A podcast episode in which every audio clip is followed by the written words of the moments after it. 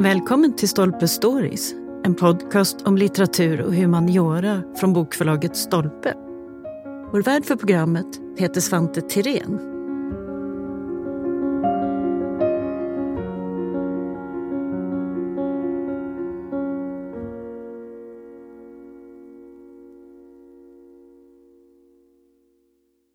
Gustav III är idag mest känd som teaterkungen. Men faktiskt så var han minst lika intresserad av arkitektur och själv så ritade han både lustslott, teaterdekorer, inredningar och parkanläggningar. Vasasamlingen, det är namnet på de 571 ritningar som finns kvar och en gång tillhörde Gustav III. En del av dem är gjorda av kungen själv och andra är verk av tidens stora arkitektnamn som till exempel Nicodemus Tessin, Carl Håleman och Carl Fredrik Adelkrans. Nu tillgängliggörs Vasasamlingen i en ny och mycket omfattande bok. Här framträder en annan bild av kungen, där han inte enbart är beställare utan tvärtom sin egen arkitekt. Magnus Olausson, som är docent i konstvetenskap, står bakom den nya boken och han är med oss här idag för att vidga bilden av den omstridde och konstnärligt begåvade Gustav III. Välkommen hit Magnus! Tack! Du har ju forskat länge om just 1700-talets konst och arkitektur. Ehm, hur kommer det sig att just 1700-talet är en så viktig period? Ja, det beror på att eh, människans förhållande till bland annat naturen tar en helt ny riktning. Eh, det, det, skedde inte bara eh, hux flux så att säga, utan det gick inte så att säga, från det rätlinjiga till det krokiga ungefär, det naturlika. Utan det som skedde först, intressant nog, det var att innehållet förändrades. Det vill säga, det man började värdesätta var nyttan. Och nyttan, då tänker vi på upplysningstiden. Och vi tänker på frihetstiden Sverige också. Ett krigshärjat land där man värderar nyttan väldigt högt. Och då ställer man sig frågan till exempel när det gäller trädgårdar, trädgårdskonst. Om en trädgård bara kunde vara för nöjes skull, lustträdgården, eller om den faktiskt eh, också måste vara nyttig. Och Det där kommer man då att betona mer och mer, det nyttiga. Så det är det nyttiga som spränger sönder den geometriska trädgården. Och eh, på andra sidan, det som kommer ut är en engelsk park, en landskapspark, eh, där man så att säga, successivt lämnar nyttan till förmån för det naturlika. Och det är där vi kommer in när, med, med Gustav III också. Det är precis i den brytningstiden mellan nyttan och det naturlika som fascinerar kungen naturligtvis. Så man kan säga att det här med nyttan egentligen gav större plats för det romantiska, för det utsvävande? Ja, det intressanta är det att det skapade faktiskt en konflikt för Gustav IIIs del. Därför att det som förvandlades till en engelsk park på Drottningholm det var personalens mulbete som det kallas för. Det var där de hade sina hästar på bete. Och det ville kungen göra om till en engelsk park. Och eh, med slingrande vattendrag, en, en, en kanal kantad av träd. Så det kom upp i domstol faktiskt och eh, kungen åtdömdes att ersätta sin personal för deras mulbete. Och det är ganska intressant att det var konsekvensen av att anlägga en engelsk park. Det är lite ironiskt, alltså det är ganska intressant. Ja. Och om man tänker så här innan vi går in mer på Gustav III, att just en kunglighet ägnar sig åt att rita just parker och, och byggnader. Hur, hur, vanligt eller ovanligt är det här? Ja, det fanns, han hade andra släktingar i sin tid som var konstnärligt begåvade och som ritade Eh, parker och eh, trädgårdar. Och arkitektur, byggnader också. Och den, den kanske det främsta exemplet är nu, nu Georg den tredje av England som var kusin med hans mamma. Det finns gott om sådana exempel på, på aristokrater framförallt som, som ritar sina egna trädgårdar. Det är ett mönster som kungen följer. Nu var han ju själv präglad sedan barnsben av konst och arkitektur. Bägge hans föräldrar var ju, var ju eh, så att säga, mycket intresserade. Fadern skolad mm. i arkitektur, fortifikation. Sen hade han ju Carl Gustaf Tessin som lärare, eh, eh, som guvernör och Tessin präglade ju honom helt vad gäller hans konstnärliga intressen. Det vet vi när det gäller teatern till exempel, men lika mycket när det gäller ska säga, fester och, och trädgårdar och byggnader och sådär. För jag tänker också med utbildningen, alltså en kung ska ju lära sig många olika saker och Tessin som du nämner är ju en viktig figur. Men vad lärde man sig i form av arkitektur eller fortifikation och sådär som, som blivande kung? Ja, han, han hade ju eh, en framstående fortifikationsofficer, Jakob Magnus Nordenkröjd, som lärare, som var överst i fortifikationen. Och det var ju en del av officersutbildningen, det här att både frihandsteckning för den delen, men, men det här att rita byggnader och Eh, så att säga, eh, försvarsanläggningar. Mm. Och om vi tittar på, jämför med trädgårdar eller parker, det är inte stor skillnad mellan att bygga en bastion och anlägga en, en, en engelsk park egentligen. Det är samma schaktningsarbeten och samma mängd människor som var involverade. Och lustigt nog använder man ju också eh, regementen för den här typen av verksamhet i fredstid. Just det, så det ingår ändå att, att kunna teckna och mäta och den typen, det, det är en bas ändå i en sån kunglig utbildning? Ja, och, och officersutbildning överhuvudtaget. Som, som kungen var ju ämnad så att, säga, att bli officer naturligtvis. Men det är klart att han hade ju en naturlig böjelse eller intresse. Det är helt tydligt. Det hade ju alla syskonen. Eh, men, men, men Gustav var väl något sju särdeles kan man väl säga. Och tidigt visar här. Så det finns ju många skildringar av detta också i memoarlitteraturen, i brev och så vidare. Där man beskriver den lille prinsen som sitter och tecknar och ritar under det att någon lektör, vanligtvis en skådespelare ur föräldrarnas franska teatertrupp, kanske läste högt. Mm.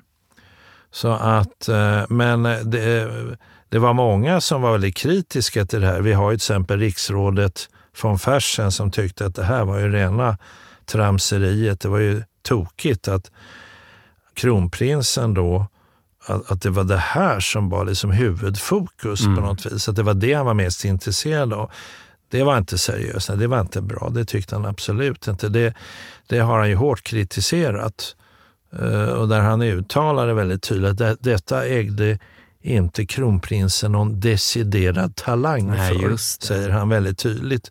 För att ge eftertryck åt att det här var ju bara dummerier. Ja. Så man kan säga att det fanns visst utrymme för en kunglighet att engagera sig i det här, men Gustav gick lite för långt helt enkelt. Ja, han gick ju för långt in både i teaterverksamhet och i detta med byggande och eh, trädgårdsanläggningar.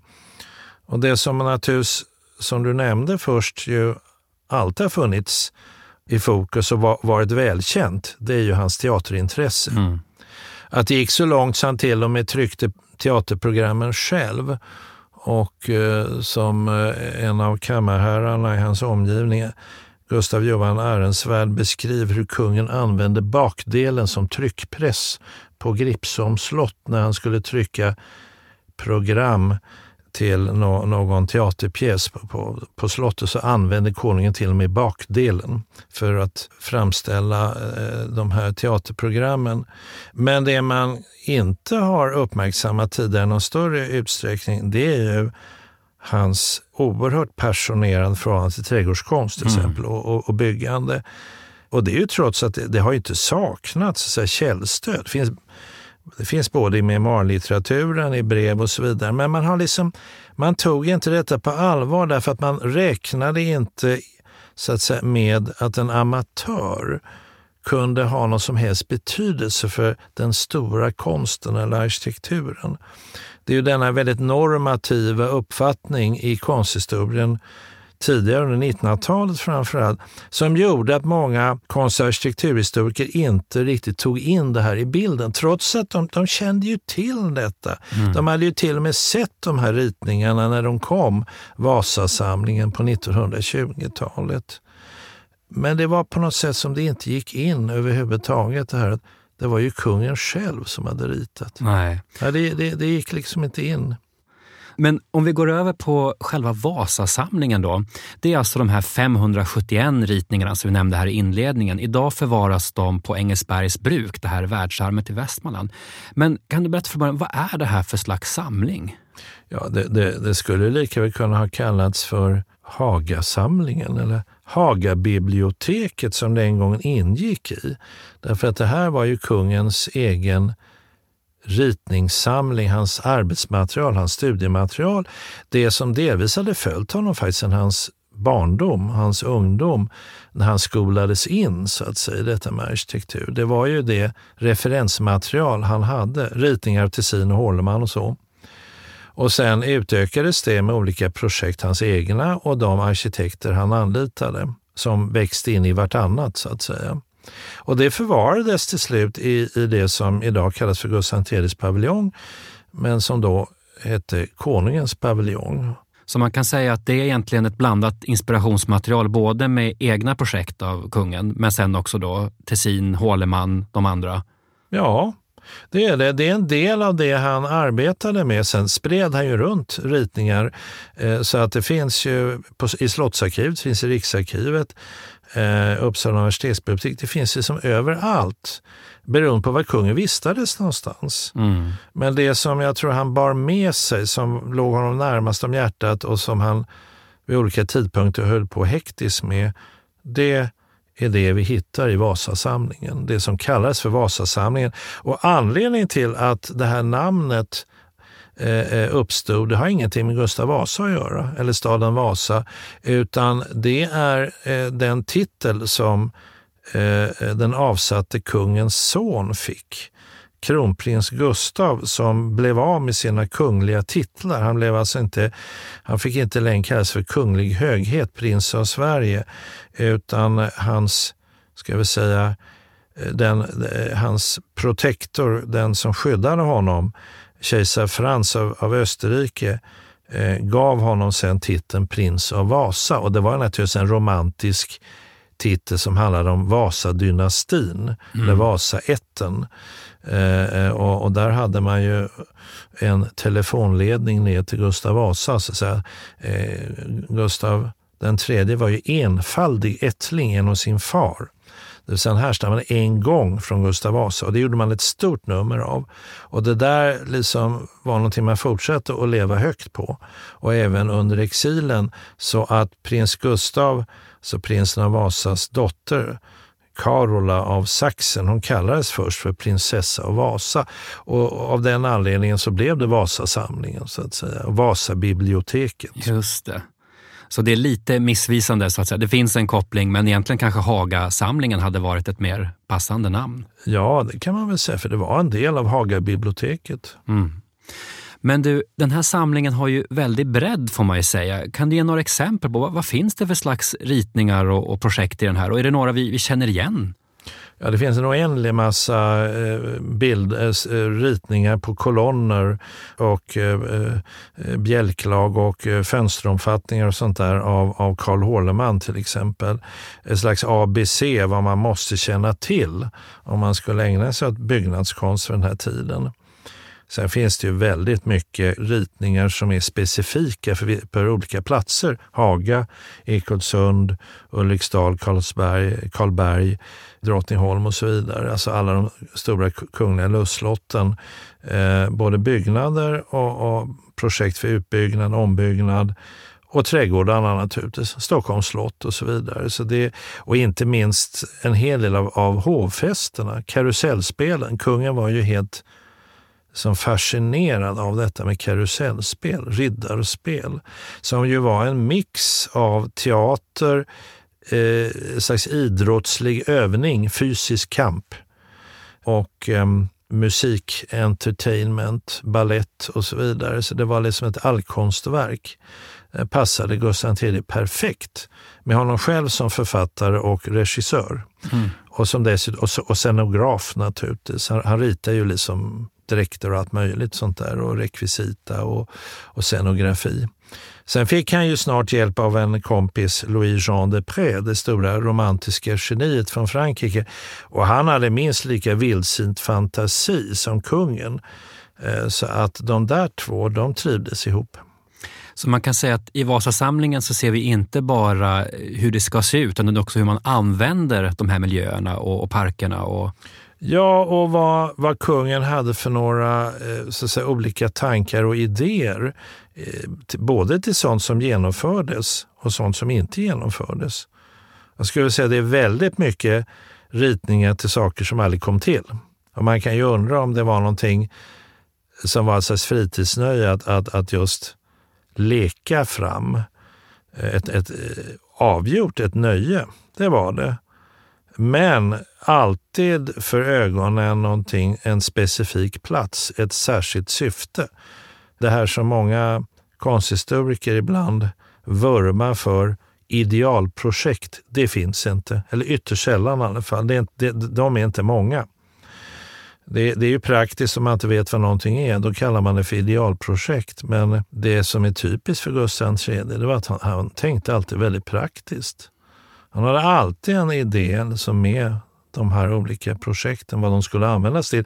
Sen kan man väl säga att han hade väldigt bråttom och han hade inte pengar heller till att genomföra allting. Hade han haft lika mycket pengar som sin kusin Katarina den stora så hade han ju hade haft ännu mer byggnationer och trädgårdar och parker. Men du, eh, du har ju precis gjort ett stort arbete med att katalogisera hela samlingen, gått igenom varenda ritning. Hur går ett sånt där arbete till? Var, var börjar man ens? Man börjar med att se på ritningarna. Man måste se på föremålen. Det är ju fysiska föremål och det är ju det som är, kan man säga, storheten i den här utgåvan också. Att man har vinnlagt sig om att avbilda dem så exakt som möjligt just därför att de här är inte bilder utan de är ritningar, de är föremål, de är fysiska föremål med eh, ibland blyertsanteckningar som är så minimala att du knappt uppfattar dem.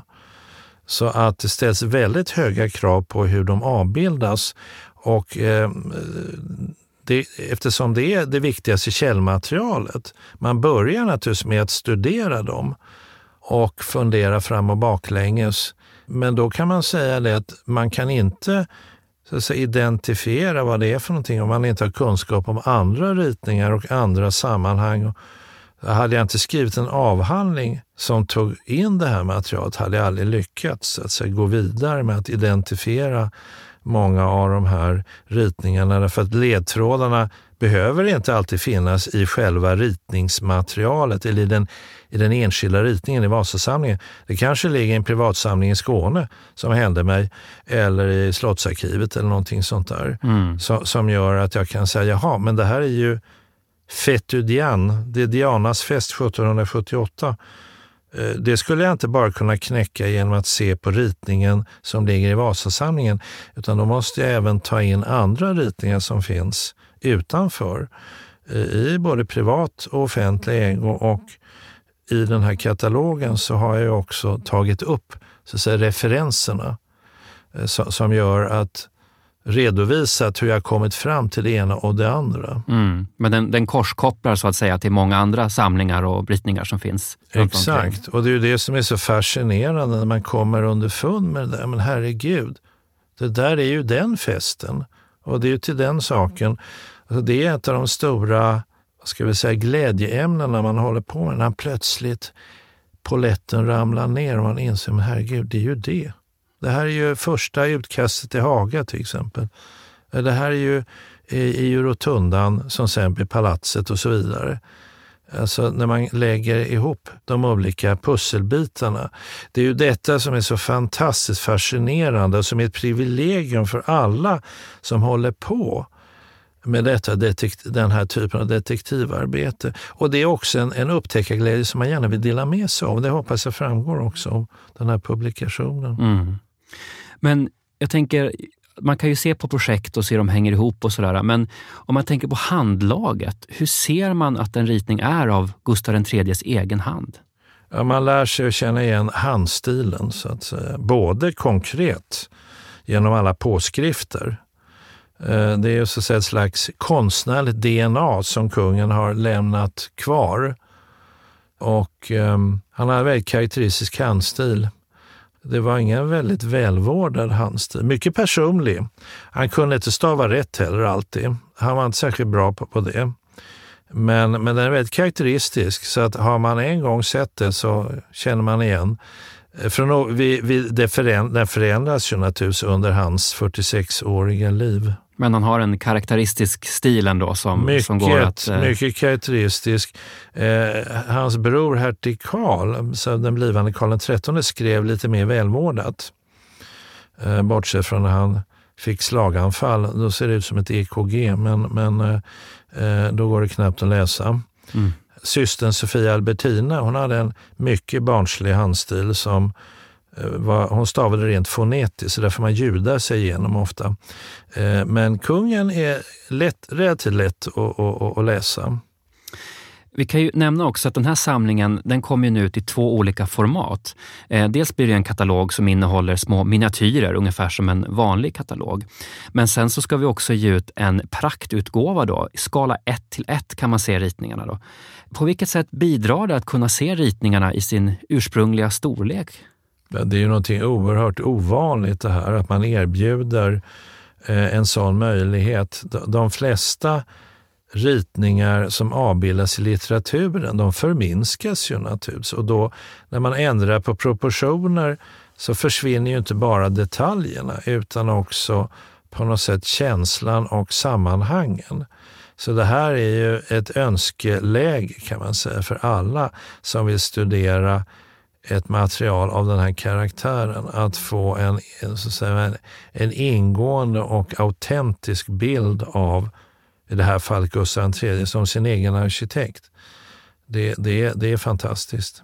Man kan helt enkelt fördjupa sig på ett helt annat sätt och gå in i det här. Ja, det är ju, det är ju som att sitta med originalen i det närmaste. Med den skärpan. Men du, om man tänker, samlingen publiceras ju nu för första gången i den här skalan och blir tillgänglig för en bredare publik. Va, vad tycker du vi ska ta med oss från Vasasamlingen? Vad finns det för frågeställningar eller insikter här som vi kan ta med oss och tänka också när vi tittar på kanske annat ritningsmaterial? Ja, det som fascinerar är ju att det finns väldigt tydliga belägg för hur pass involverad kungen var i tillkomsten av en rad anläggningar och byggnader som har bevarats till vår tid. Eh, det mest tydliga exemplet är kanske den, den engelska parken på, på Drottningholm med, med det här slingrande kanalsystemet. För det har ju kungen själv ritat, det vet vi. Det finns tydliga exempel på, på det. Eh, Piper hade aldrig gjort någonting sånt med en jämn bredd kantad av alléträd. Det, det, var absolut ingenting som han, motsvarade inte alls hans ideal. Eh, vi kan också se till exempel i Vasasamlingen finns det ju flera plan och sektionsritningar till det som idag kallas för Gustav III paviljong, alltså konungens paviljong.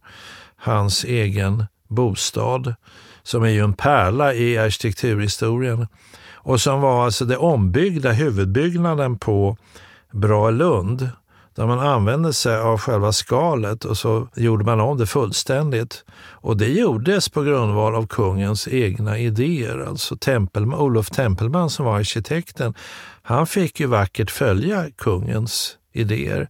Och det finns ju till och med brev bevarade till Tempelman där han säger att nu ska det göras si och så. Och ritningarna finns då i, i Vasasamlingen som så att säga följde det här materialet, eller kungens tankar, som illustrerade det. Han kan inte ha varit helt lätt att samarbeta med alla gånger, får man ju bilden av då, eller? Nej, han var ju totalt hänsynslös. Gränslös, får man ju säga. Han, han, eh, var det så att det inte passade, då, då liknade han nästan Trump när det gällde att avverka folk på löpande band. Kanske inte i den hastigheten, men det var inte långt ifrån. Sen är ju skillnaden monumental i övrigt. Jag menar, Trump är ju inte en intellektuell person som Gustav III, inte konstnärlig överhuvudtaget. Eh, eh, men eh, kungen var ju inte särskilt hänsynsfull, det kan man inte säga, mot vare sig Adelkrans, Palmstedt, Piper eller Tempelman, utan de liksom passerade revy där rätt snabbt och ut i kylan igen och sen tog han in Depré som var liksom själva patentlösningen på allting. Mm. Därför att Depré hade samma, eh, ska vi säga, ohämmade fantasi som kungen. Det fanns liksom inget som, inga gränser för vad man kunde hitta på, så att säga, utan det var som ett fyrverkeri av idéer. Och eh, där har vi ett känt uttalande av kungen som kanske är apokryfiskt, det vill säga påhittat. Men han lär ha sagt så här, i Sverige finns det bara två personer som har fantasi och det är jag och Depré. Och det kan man ju skratta åt och säga att det, där måste, det låter ju som det är påhittat. Men, men eh, det är säkert sant för att, att de jobbade på, på, på det viset. Men i Depré hittade han sin, sin själsfrände kan man säga kreativt då? Det gjorde han och eh, det, det fick ju sen stackars Depré eh, sota för. Eh, han eh, hamnade ju själv sen i kylan efter kungens död. Eh, dog helt utblottad i Stockholm 1804 på Hoslagatan, inte långt från Nationalmuseum. Och, eh, så, så, att det var en direkt konsekvens av avundsjukan att kungen hade förfördelat arkitekterna och gynnat ensidigt Depré därför att det passade hans eget kynne, mm. hans egen ska vi säga, kreativa, skapande natur. Avslutningsvis här då, eh, Gustav III han är ju en av våra mest kända kungligheter någonsin får man ju säga. Eh, men har den här katalogen och det här arbetet bidragit med något nytt om honom? Kan vi justera bilden? Jag tänker till exempel på att han kallas just teaterkungen. Mm. Är det fortfarande en, en relevant sätt att beskriva honom? Eller? Jo, Eh, alltså anledningen till att, att historiker ofta har, har med glupande aptit använt sig av, av begreppet teaterkungen, det beror ju på att naturligtvis dra ett slags löjets skimmer över en monark som var kanske vår främste skådespelare på tronen. Att han så att säga var falsk och inte äkta eh, eh, när man vill klä av honom, så hans politiska gärningar. Eh, men eh, han skulle lika väl kunna kallas för trädgårdskungen. Just det. För att eh, han eh, var passionerad när det gäller trädgårdar, det är helt uppenbart. Det, det låg honom oerhört nära. Och det var också där som han, när han var pressad av politiken, det var där han fann avspänning. så att säga. Ska man förstå Gustav IIIs personlighet, hur den fungerade, då kan man inte så att säga, skära av den konstnärliga delen, utan den är intimt förknippad med hur han fungerade som person det finns mycket mer kvar att upptäcka helt enkelt om Gustav III, men också konstens och arkitekturens betydelse. Absolut, men eh, via den här boken så kommer man väldigt långt i det mötet med, med kungen, den, den, den okända sidan av Gustav III. Ja. Vi får läsa mer om det här i katalogen. Men Magnus, stort tack för att du kom hit. Tack. My pleasure, som det heter på engelska.